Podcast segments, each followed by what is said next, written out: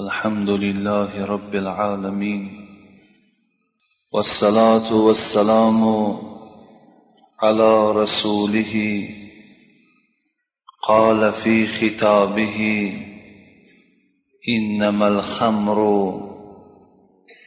والميتة إن الله ورسوله حرم الخمر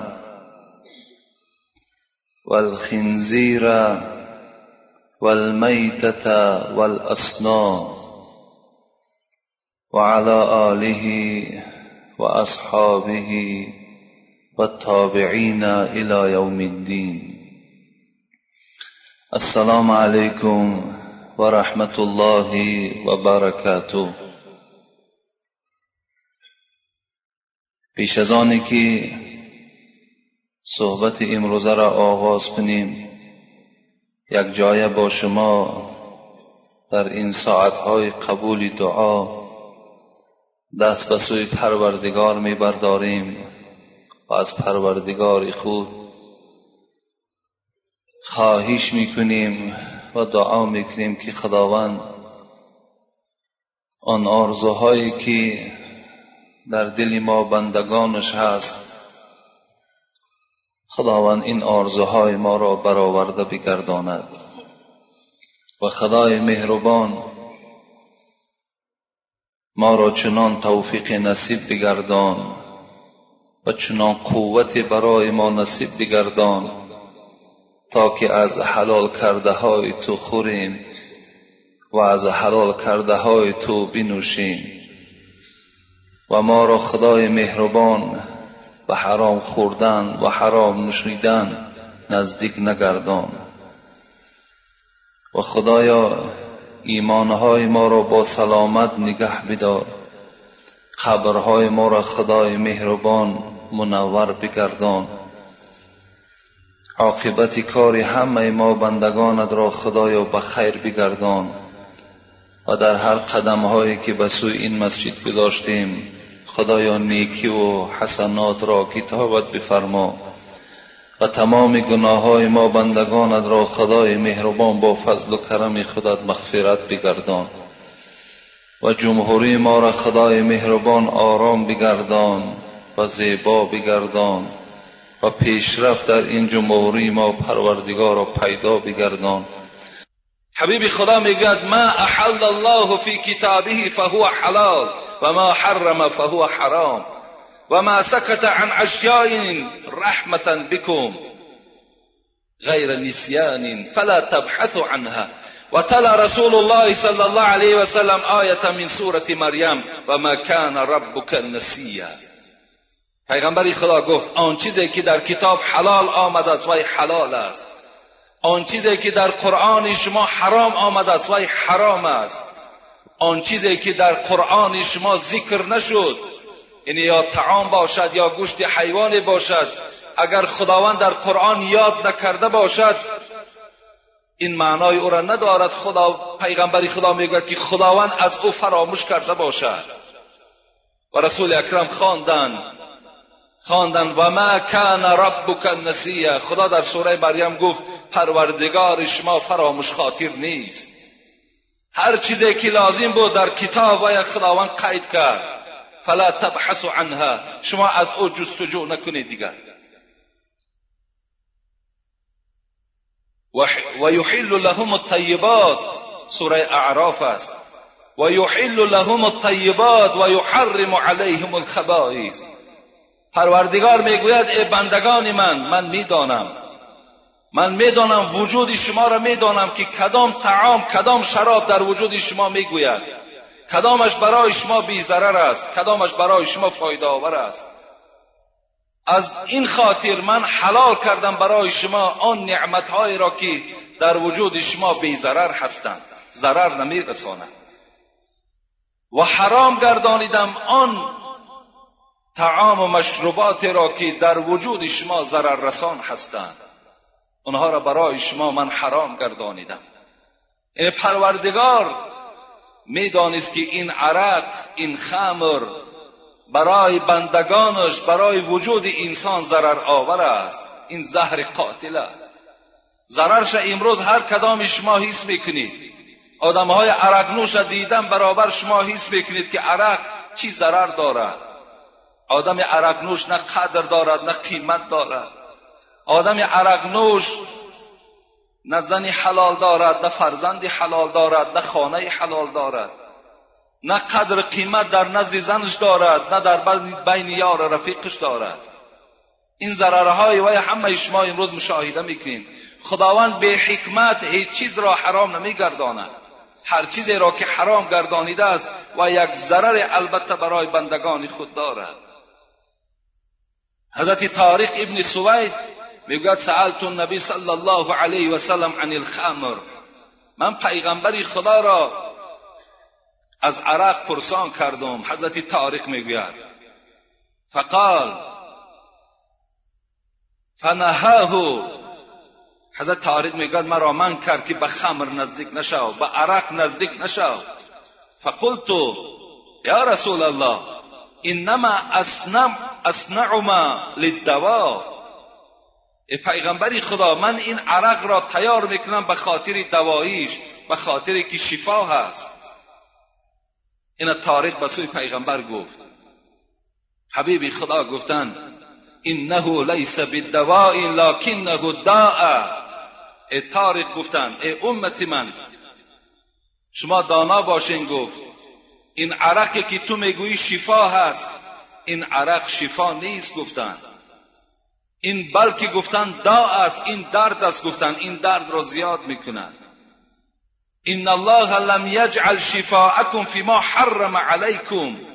پیغمبر خدا می‌گوید در آن چیزی که پروردگار او را حرام حکم کرده باشد در او شفا ندادگی هست. اون در شفا نیست گفتند شما از آنها شفا نجویید افسوس که امروز بعضی از شاید طبیبهای گمراهی ما بعضی از بندگان گمراه شاید گویند که این عرق شفا هست یا در فلان درد دوا هست. حالان که پیغمبری خدا گفته ایستاده است که در آن چیزی که خدا حرام گفته است در او شفا نهادگی نیستند.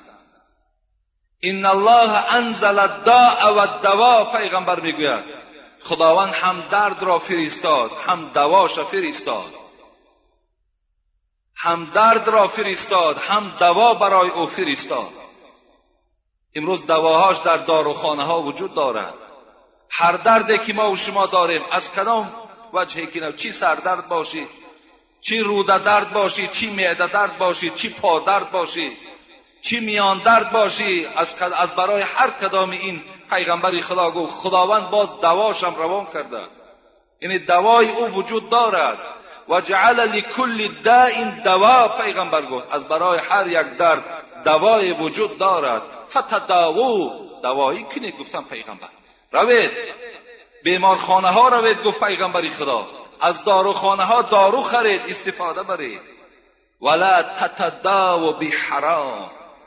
یکی پیغمبر تاکید کردن که با داروهای حرام با حرام کرده های پروردگار شما هیچگاه تبابت نکنید. آن چیزی را که خدا حرام گفته است با او خودتان تبابت نکنید. زیرا در حرام کرده پروردگار دوا وجود ندارد. گاه میشنویم که برای فلان درد فلان طبیب ما را اجازت داد. که از همین عرق استفاده بر همون درد نابود می شود یکی شما عاقبت اینک فهمید که یک بار دو بار که شما برای تبابت که نوشیدید علاکه وجود شما آموخته می شود علاکه وجود شما دیگر عرق می خواهد خمر می خواهد شما با این راه علاکه مینوش می شوید عرق نوش می شوید دیگر از رحمت پروردگارتان دور می مانید از این خاطر در این شفا نیست. پیغمبر خدا تأکید دارند. تتداو دوایی کنید. ولا تتداو بحرام. لیکن با حرام های پروردگار دوایی نکنید. هر بیمار البته امروز هر یک درد امروز به خود شفا دارد. چی با طریق خمر می‌بینی امروز؟ تبابت کردن. چی با طریق همون جاروبهای مزار در تناهاتان میمالین؟ این هم یکی از نوع حرام ها هست. با اینها شما هیچگاه تکیه نکنید. هیچگاه به خاک او با شاخی درختی او با جاروبی او در بدنهاتون نمالید. اینها شفا ندارد اینا همه درد هستند. با این رویه پیغمبر خدا میگه دواییش حرام است ممکن نیست. برای چی بعضی عزیزان ما و شما همون نسخه تومار نویسانده من کردن؟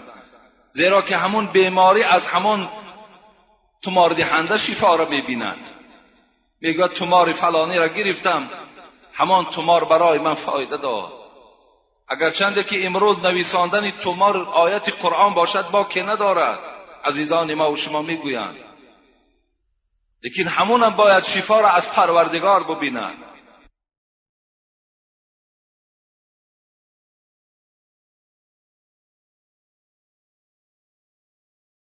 آیتی را برای شما جمعه پیشین تلاوت کردیم که معنای آیت آخران مرحله حرام شدنی خمر بود این سوره مائده بود که چگونه که حضرت عمر دعا کردند اول آیتی که آمد حضرت عمر با او کفایت نکرد دوم آیتی که آمد با او کفایت نکرد. بلکه دعا کرد که اللهم بین لنا فی الخمر بیانا شافیا. خدایا در همین خمر در همین عرق برای ما روشنتر آیت روان کن. سوم آیتی که آمد انما الخمر والمیسیر والانصاب والازلام رجس من عمل شیطان فاجتنبوه لعلكم تفلحون. إنما يريد الشيطان أن يوقع بينكم العداوة والبغضاء في الخمر والميسير. ويصدكم عن ذكر الله وعن الصلاة فهل أنتم منتهون؟ این آخران مرحلة آیتی که برای حرام شدن خمر آمد أنا همین آیت بود.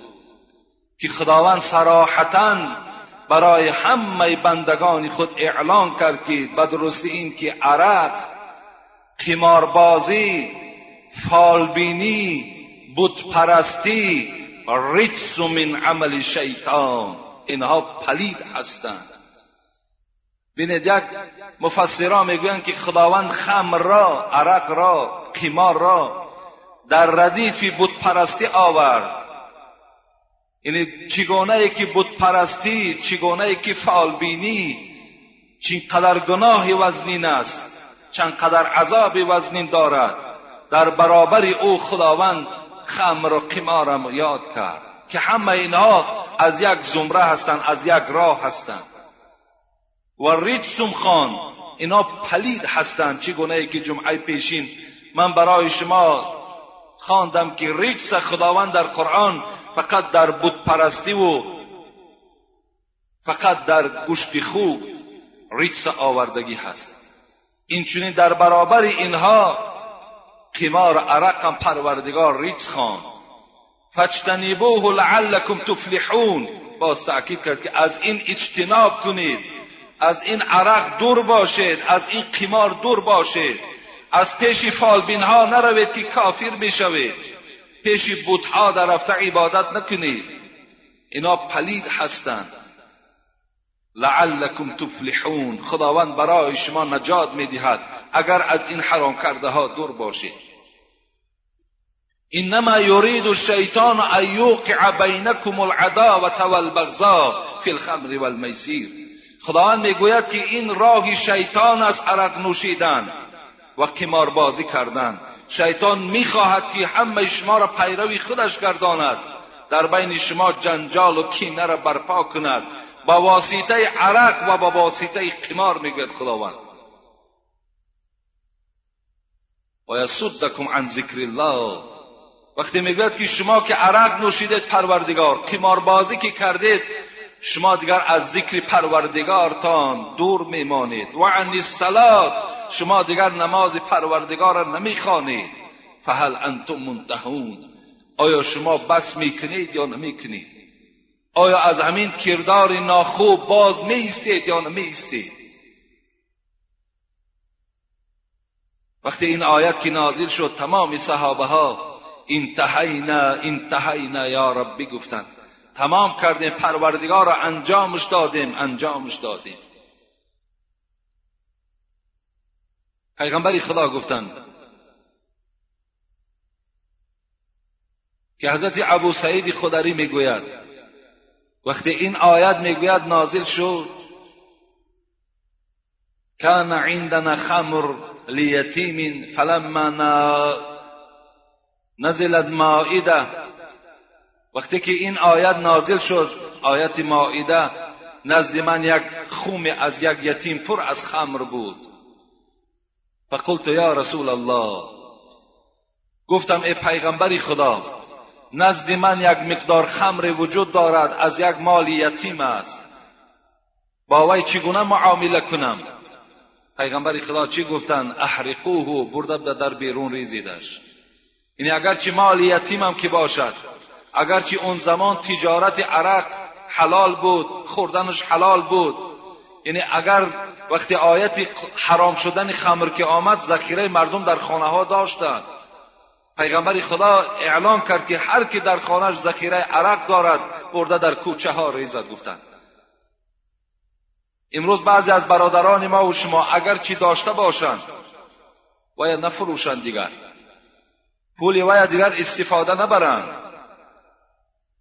ویا باید که نابود بگردانند چگونه که صحابه های پیغمبر ظرف هاش شکستند و آب او را در کوچه ها ریختند باید این معامله را تمام مسلمان ها انجام دهد زیرا پیغمبر خدا می‌گوید اذا حرم الله شیئا حرم ثمنه هر وقتای خداوند چیزی را که حرام گردانید پولی ویم حرام میگرداند پولش هم حرام است لعن رسول الله صلی الله علیه و سلم فی الخمر عشرتا.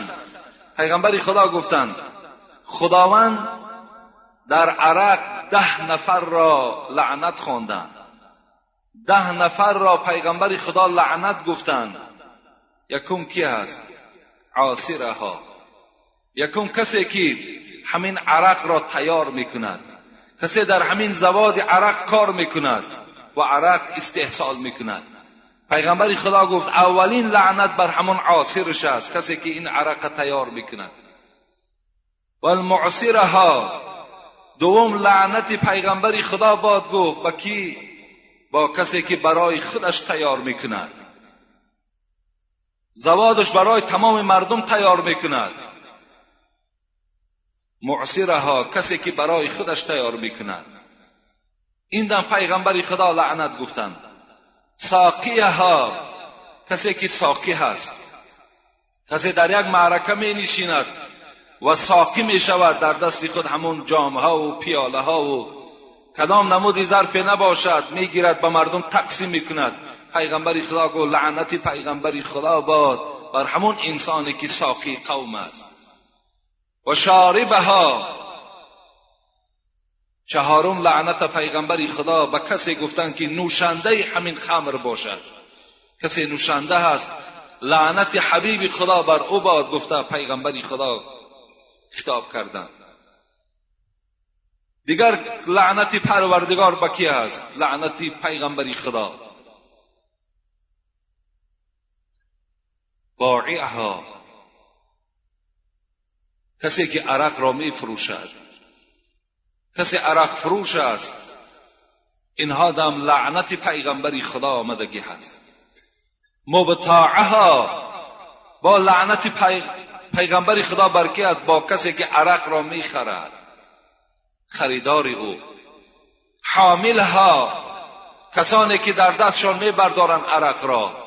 و المحمولت الی یا کسی که برای او برده می شود عرق را. و او هم رحمت نعلت است. کسی که در دستش می بردارد کسی در دستش همون شیشه عرق را می قپد امروز بعض جوانها در ما در خدچه ها می نویسند که وقتی ما اداره زکس میریم در اداره زکس پیش از آنی که یعنی نکاح بسته شود اونجا در دست ما هم قده های از همان عرق شمپن می دهند. می برداریم در دست ما لیکن نمی نوشیم. فقط می برداریم.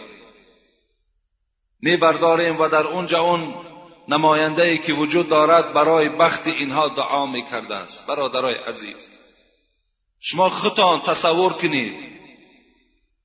شاید که سخن من برای بعضی از شما سخترم برایت خودتان تصور کنید. وقتی عرق در دست مثال همون جوان است. حالا که حامله ها پیغمبر می‌گوید لعنت پیغمبری خدا باد بر کسی که بردارنده همون پیاله است. بردارنده همون عرق است. بردارندش در لعنت گفت. وقتی لعنت بر بردارندش باشد وقتی وی دعا می‌کنه در همون حالت اون چی دعا باشد؟ آیا با همون دعا وقتی این انسان سفید می شود زندگی این انسان با فیض و با برکات می شود در حالتی که در اطراف نشستنی عرق پیغمبر خدا من کردند در اونجا ملائکه های رحمت وجود ندارد از کجا دعا قبول می شود بردارندش در لعنت است. نمی‌خرد فقط می بردارد والمحمولت الی با کسی که اگر وی می بردارد و برای خواه مغازه می برد خواه کجایی که نباشد؟ علال خصوص امروز برادرهایی که صاحب همون ماشین های کلان هستند اونها از اونجا برداشته و به این مغازه وقتی میارن تقسیم می‌کنن اونها در همین لعنت داخل می‌شوند. محمولت الی بردارنده عرق. حبیب خدا گفتن این سخنی ما نیست. واهبها پیغمبر خدا گفتن نهم طایفه ای که در لعنت است کسانی هستند که عرق را به حیث هدیه برده می‌دهند به یک کسی. همچون هدیه تحفه می‌کنند یا در جای پاره همون عرق می‌دهند اینها در پیغمبر خدا لعنت گفتند و آکل ثمنها دهم نفری که در لعنت است این کی هست؟ این شخصی هست که پول عرق را می‌خورد از حساب پول عرق زندگی دارد. باور کنید انسان شعر می‌کند. حیرت میمانی که نخوا آدم مسلمان امروز دکان می‌سازد که در او عرق میفروشد باز نماز می‌خواند حیرت نماز می‌خواند لیکن عرق فروش است. نماز می‌خواند لیکن عرق خور است. این نماز او البته به سر او زده می شود. این نماز قدر قیمت ندارد. این یک مسخره کردن است.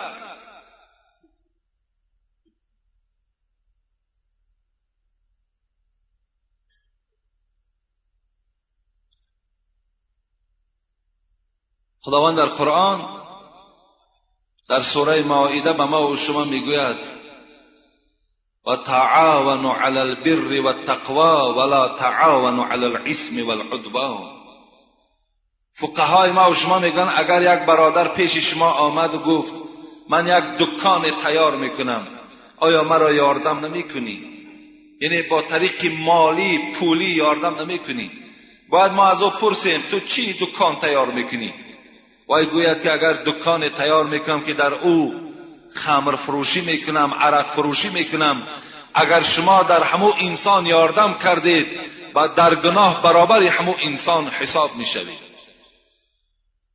در گناه برابر هستی زیرا خدا در قرآن به شما گفته ایستاده است. یکدیگرتان فقط در کار خیر و در کار خدا ترسی یاردم کنید. در کار گناه هیچگاه یکدیگر را یاردم نکنید.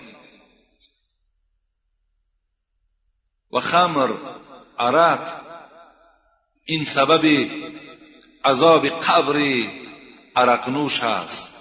کسانی که اگر در دنیا عرق نوشی کرده باشند یکی از سببهای عذاب قبرم از حساب نوشیدن عرق است از حساب فروختن همون عرق است از حساب نگاه داشتن عرق در خانه است.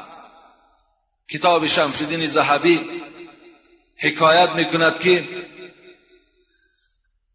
یکی از صالحان می‌گوید ما تلی ولد صغیر. یک فرزندی داشتم خیلی خورد بود می‌گوید خیلی سال بود. از دنیا گذشت. بردم در قبرستان دفنش کردم. فرعیته فی المنام قد شاب رأسه. وقتی میگه در خواب دیدم این فرزند خیلی خردسالی که چهار ساله و پنج ساله بود. موی سرش مثل همون موی سری موی سفید ها واری سب سفید بود. وقتی میگد از این فرزند خود پرسیدم آخه وقتی که من تو را دفن کردم موی سری تو سیاه بود این سفیدی موی سری تو از کجا پیدا شد؟ میگد این فرزند با طرف پدر گشت. لقد ظفرت. وقتی که در پهلوی من یک مرد عرق نوش را قبر شکندند و او را در همین قبر آورده وقتی جایگیر کردند برابری در قبر ماندن. لقد ظفرت جهنم زفرتا بقدومه. لم یبقا طفل الا شعب رأسه. می‌گوید جهنم آتش دوزخ. چنان یک حجوم بالای این عرق نوش کرد که پدر در همین قبرستان هیچ فرزند باقی نمان که همون خردسالهایی که وجود داشت همهشان سرشان سب سفید شد. از حساب همان علنگه آتشی که بالای این عرق نوش شد. عرق نوشی هم یکی از سببهای عذاب قبر انسان می شود وای به حال انسانهایی که از دنیا عرق نوش می روند دوره های عبدالملک ابن مروان در حکایت می‌کند همین شمس الدین زحبی در کتابش. می‌گوید یک جوان نزد حضرت عبدالملک آمد ابن مروان. گفت ای شاه گفت ای سردار من گفت یک کسب خیلی ناخوبه داشتم کسب قبر کندن داشتم قبرها را میکندم و کفنهای آنها را می دزدیدم. امروز نزد شما آمدم می‌خواهم که سؤال کنم که آیا اگر از این کاری که کردم به سوی پروردگار توبه کنم خداوند توبه مرا میبخشد این الله یقبل توبه من عباده و عن السیئات حضرت عبدالملی گفتند اگر تو به سوی پروردگار توبه کنی از این گناههایی که کردی خداوند گناه تو را می بخشد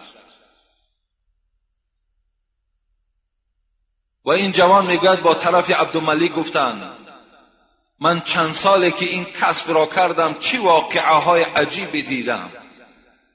گفتند چی دیدی؟ تو برای ما خبر بده می‌گوید این جوان با طرف این عبدالملیک گشت و گفت باره می‌گوید یک قبر را کندم.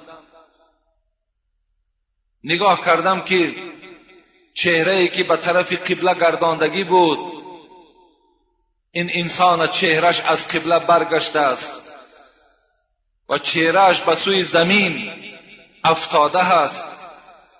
وقتی در این حالت می‌گوید این مرد را دیدم در حال می‌گوید ترسان وجودی من در یک ترس پیدا شد و خواستم از قبر بیرون شوم که صدای آمد. آیا نمی‌پرسی که با چی سبب من در این حالت گرفتار شدم؟ می‌گوید وقتی پرسیدیم به چه حالت؟ گفت من در نماز بی پروا بودم.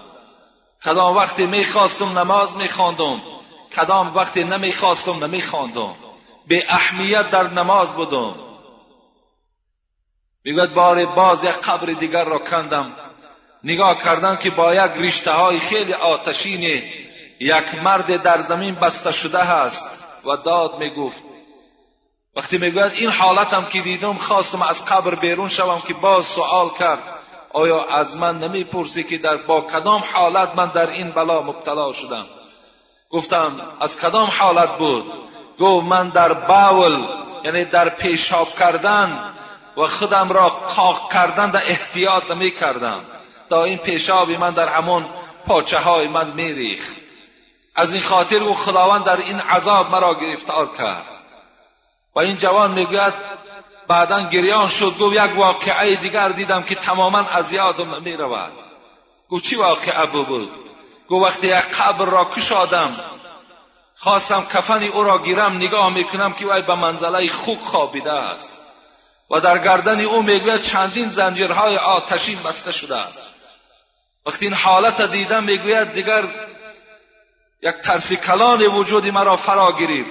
خواستم بیرون شوم. گفت از حال من می‌پرسی که با کدام احوال با کدام عمل من دوچار این احوال شدم؟ گفتم با کدام عمل؟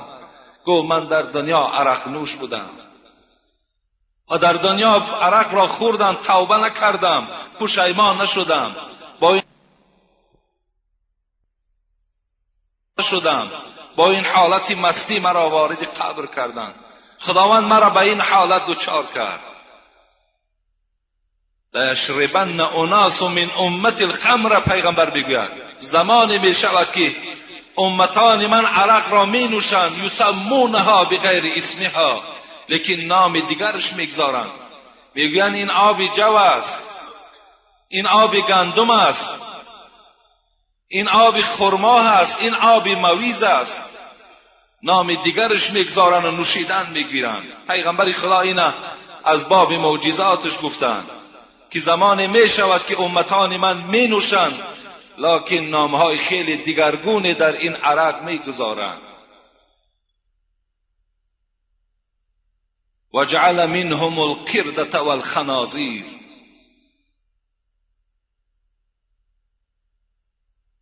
در دوام حدیث متنش چنان می آید که زمان می شود که امتان من عرق می نوشند نام دیگر می مانند و بالای سرشان هر گونه نغمه ها نواخته می شود اونها استراحت می کنند و پروردگار و یخسف الله بهم الارض و یجعل منهم القردة والخنازیر پیغمبر خدا گفت که بالای این گروه بالای گروه کسانی که عرق می نوشند نغمه و نغامات ها در اطرافشان برپا می‌کنند رقاصه ها در پیشان میرقصند و اینها استراحت می‌کنند.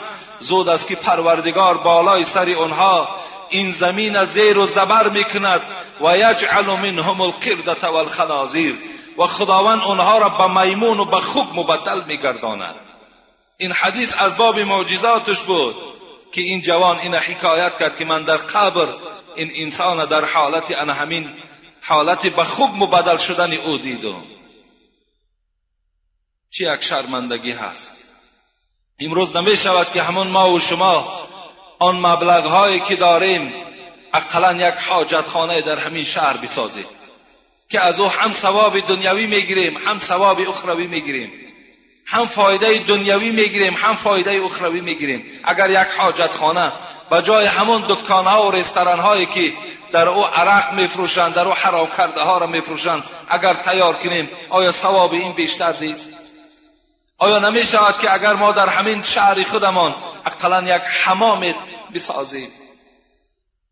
تا که هر یک آدم انسان علایده علایده در همون حمام رفته آبازی کرده تواند آیا نمی شود در همین شهرمان ما و شما اقلا یک تالار اسپارتی شاده کنیم تا که همین جوانای ما و شما رفته در اونجا مشق کنند این ثوابش بیشتر است. از اوی که ما و شما یک دکان تیار می‌کنیم و عرق میفروشیم.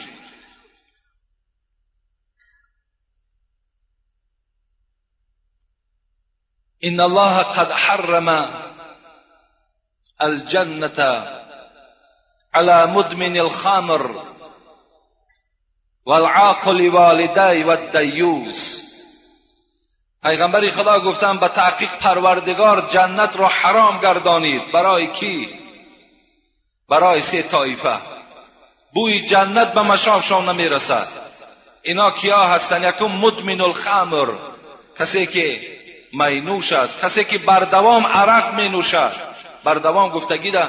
مدمن الخمر را عزیزان ما و شما تعلیل کردن که هو الذی یشربها اذا وجدها ولو بعد سینین. مدمن الخمر عرق نوش کسی را می‌گویند که اگر در پنج سال و ده سال یک بار که نوشد وای مدمن الخمر هست. اگر در دو سال ننوشید یک بار رفت و نوشید وای مدمن الخمر هست. پیغمبر خدا گو حرام گردانید جنت را خداوند. و مدمن الخمر کسی که اقلا در دو سال یک بارم که نوشد وای مدمن الخمر هست. و دوم نفری که جنت برای او حرام است پیغمبر خدا گفتن والعاقل والدی. کسی که نزد پدر و مادرش عاق شده است. کسی که پدر و مادر از او راضی نیست. کدام فرزندی که از دعای نیکی پدر و مادر برخوردار نشد پدر و مادر راضی نکرد پدر و مادر از او خفه هستند او فرزند عاق کردگی هستند عاق کردن شرط نیست که با زبان همون پدر گوید عاقت کردم. همون دیلی که ناراضی شد. همون ناراضگی که در دل پدر و مادر که پیدا شد خودش عاق است پیغمبری خدا گفتن دویم طایفه ای که اصلا جنت برای اینها حرام گردانیده شد جنت را می‌بینند این کسی هست که نزد پدر و مادر عاق شده هستند پدر و مادر از وا راضی نیست. و سوم و دیوس. پیغمبری خدا گفتن دیوس هم وارد جنت نمی شود البته وقتی ما و شما کلمه دیوس هم میشنویم خیلی ناراحت می‌شویم. چی کلمه ناراحت کننده ای هست؟ که مردی که اگر دیوس باشد. دیوس نفری هست که هر کرداری بدی که در خانش می شود در او راضی هست. در او هیچ مقابلیت نشان نمی دهد چی دختری به حیا دارد چی بچه به نماز دارد پروایی ندارد. راضی هست.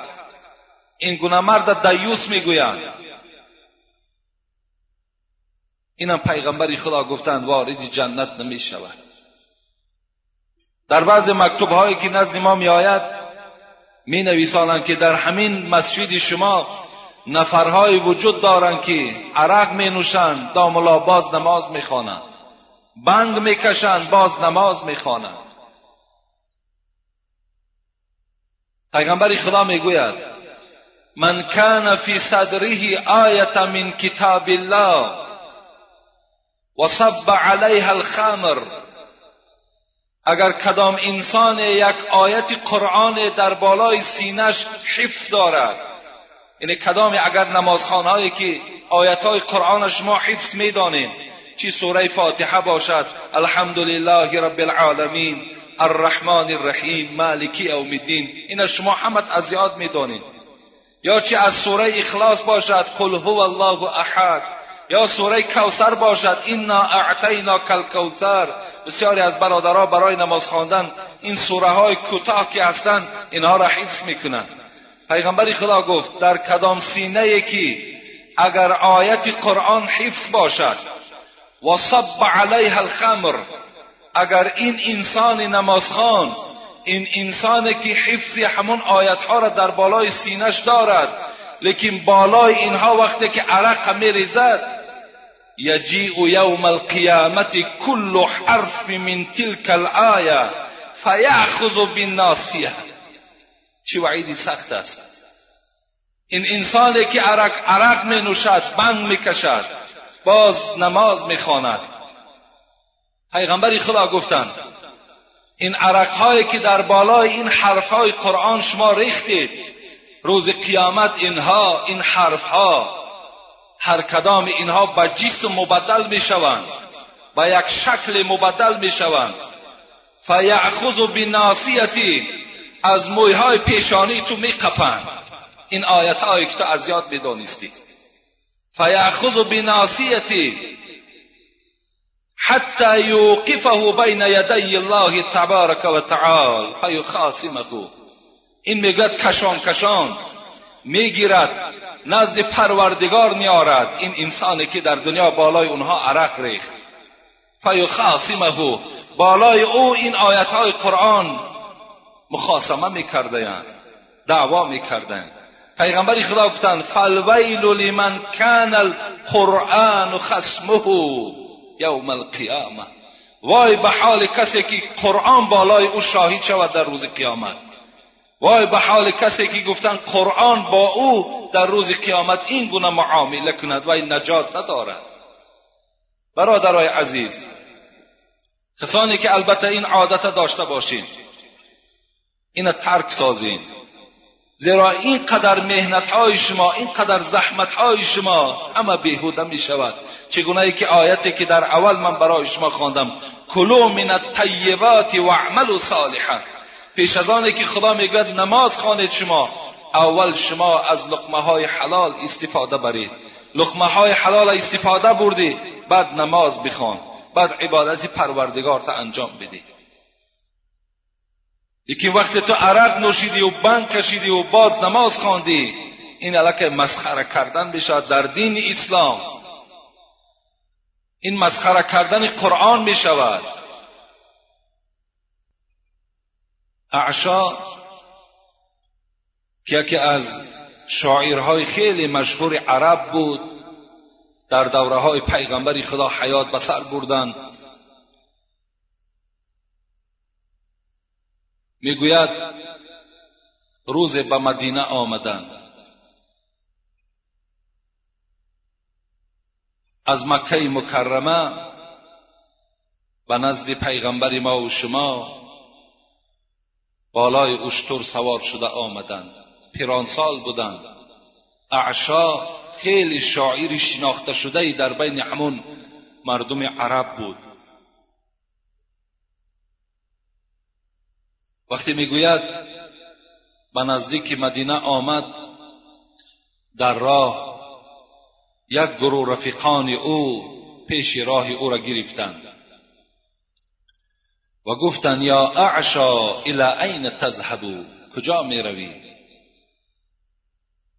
گفت الى محمد ان اسلم بیده گفت می‌خواهم پیش محمد صلی الله علیه و سلم روم و با دست اون حضرت اسلام قبول کنم. رفیقانی نادرست که داشت رفیقانی خیلی ناخوب که داشت.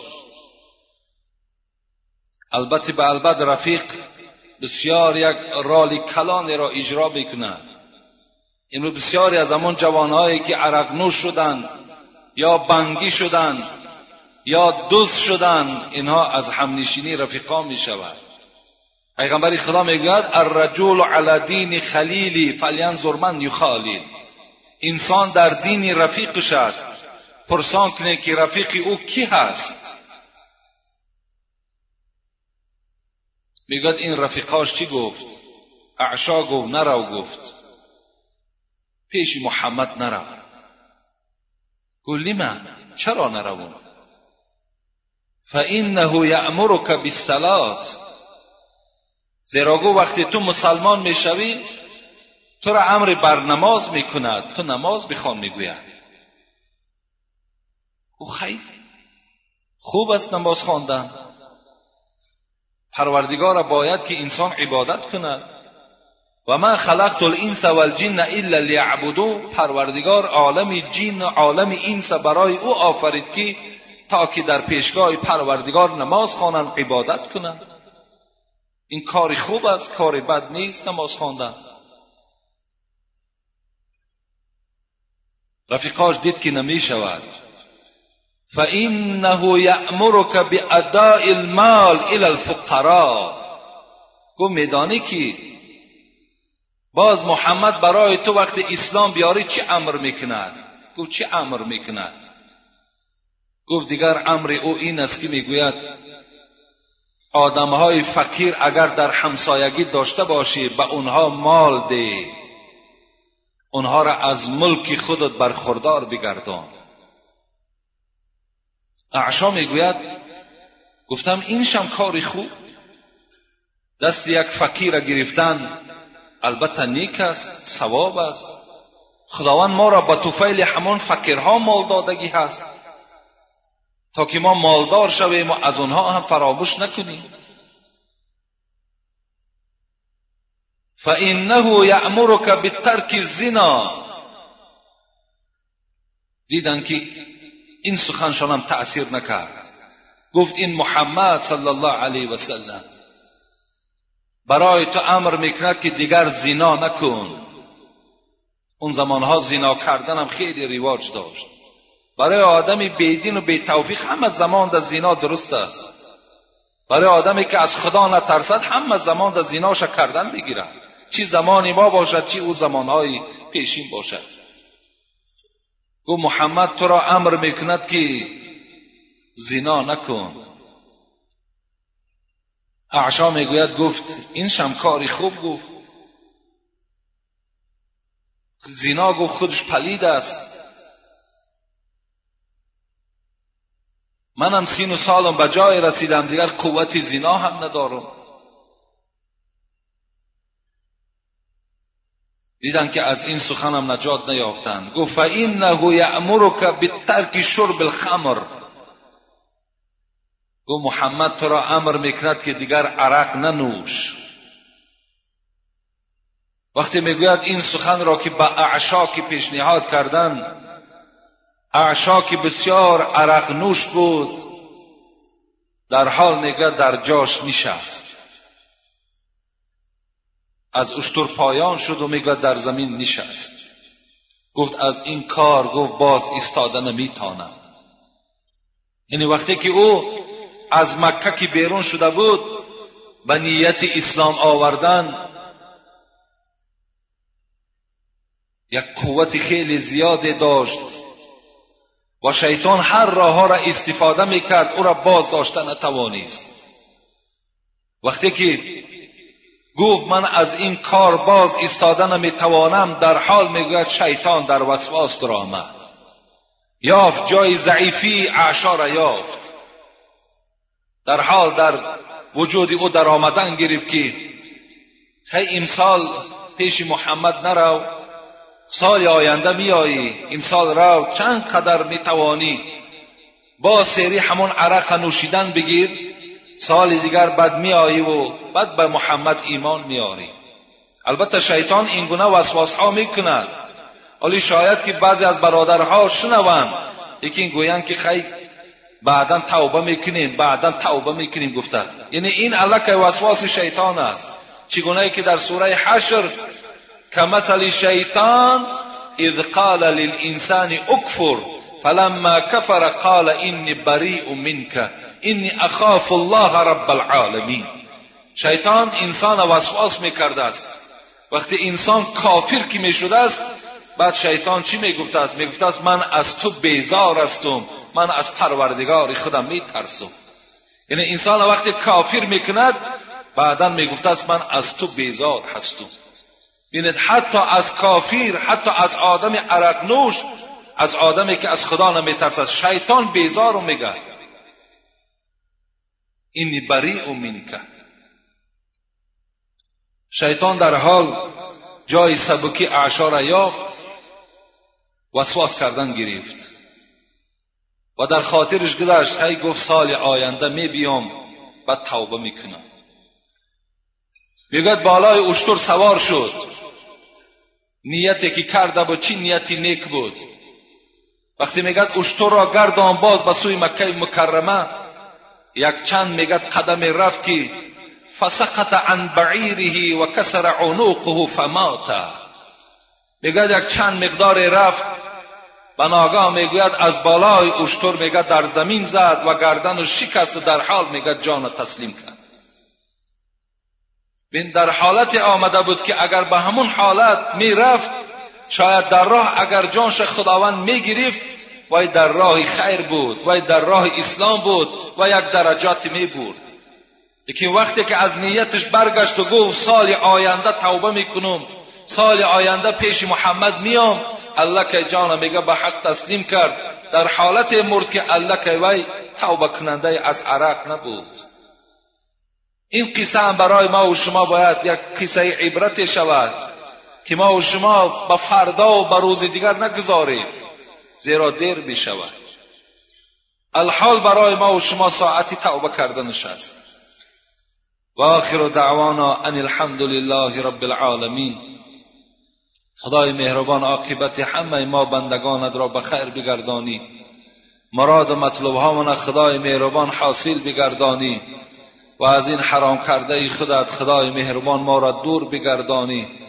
و توفیق حلال خوردن و حلال نوشیدن را بر همه ما بندگانت خدای نصیب و روزی بگردانی. آمین یا رب العالمین. انشاءالله جمعه آینده سوال هایی که هست جواب میگیم و کمی در باب همین خمر اگر وقت شود صحبت می‌کنیم. نشد انشاءالله سوال هایی که خیلی زیاد شدن. دیگر سوال ننویسیم زیرا خیلی سوال های هست که اونا را اگر در سه جمعه و چهار جمعه ما جواب گفتن نمی‌تونیم برای همین سوال نویسی بس است همین روز کسی که نویسانده که قدر سوال زیاد آمده است. همین ها را جواب میگیم بعدا انشاءالله باز از پای موضوع های خمون میشه.